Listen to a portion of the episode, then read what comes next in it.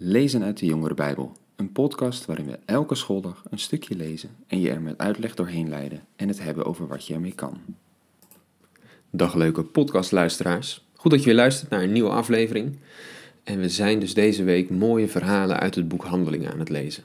Daar een beetje de lijn in te zien wat er nou allemaal gebeurde nadat Jezus was gestorven en opgestaan.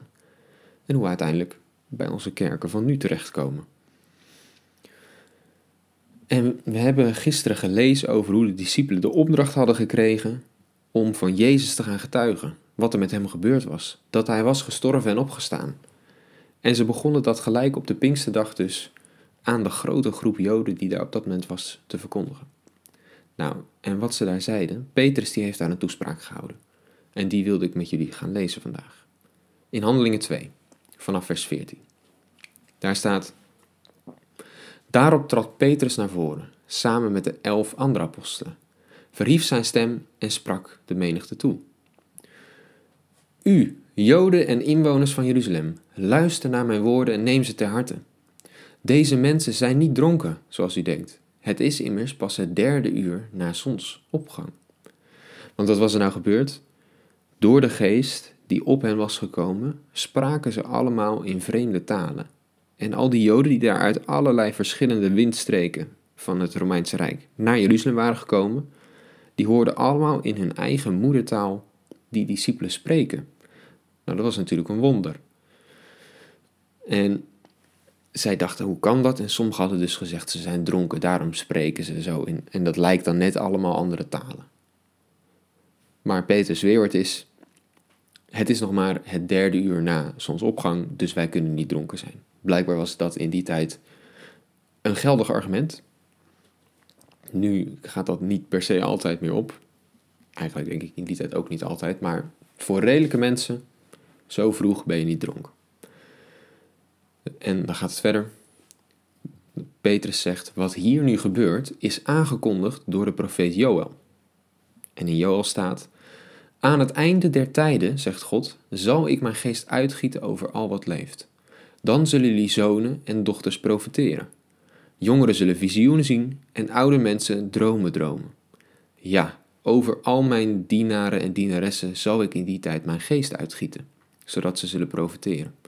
Ik zal wonderen doen verschijnen aan de hemel boven en tekenen geven op de aarde beneden. Bloed en vuur en rook. De zon verandert in duisternis en de maan in bloed, voordat de dag van de Heer komt, groot en ontzagwekkend.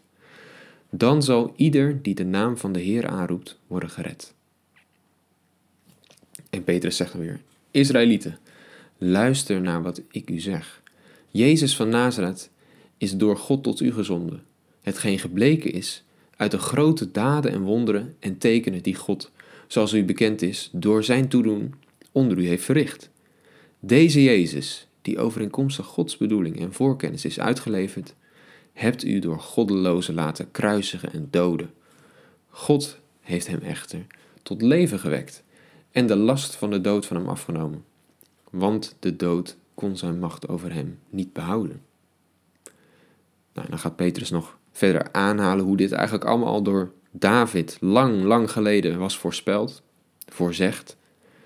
En daarna besluit hij zijn toespraak door te zeggen: Hij, Jezus dus, is door God verheven, zit aan de rechterhand en heeft van de Vader de Heilige Geest ontvangen, zoals beloofd was. Die geest heeft hij over ons uitgegoten. En dat is wat u ziet en hoort. David is weliswaar niet naar de hemel opgestegen, maar toch zegt hij: De Heer sprak tot mijn Heer: Neem plaats aan mijn rechterhand, tot ik van je vijanden een bank voor je voeten heb gemaakt. Laat het hele volk van Israël daarom zeker van zijn dat Jezus, die u gekruisigd hebt, door God tot Heer en Messias is aangesteld. En je ziet dus hier, Petrus getuigt, zoals zijn opdracht was, van de gestorven en opgestane Heer. En hij ziet daarin ook wat ze voordat Jezus uh, stierf en opstond niet zagen. Dat dus eigenlijk al lang was voorspeld dat dit allemaal zo moest gebeuren. En dat was voorspeld dat zij de Heilige Geest zouden ontvangen. Nu En ik denk ook omdat hij de Heilige Geest gekregen heeft, die helpt ook vaak om dingen beter te begrijpen. Nu ziet hij dat allemaal. En wat gebeurt er? De mensen die luisteren en die worden geraakt en geloven de boodschap die hij vertelt.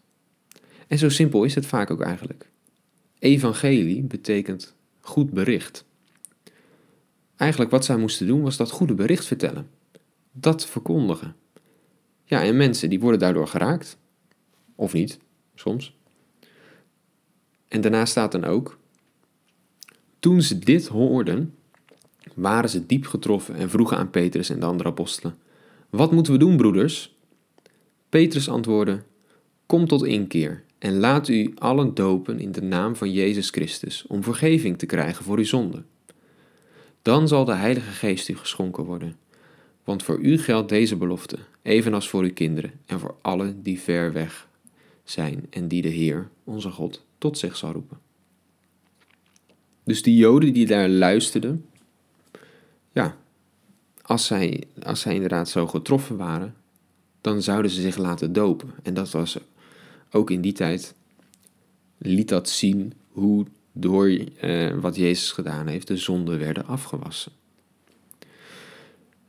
En er geloofden gelijk ook heel veel mensen. De kerk groeide hard. Mensen die lieten hun oude leven achter zich en gingen nu met deze boodschap opnieuw op God gericht leven.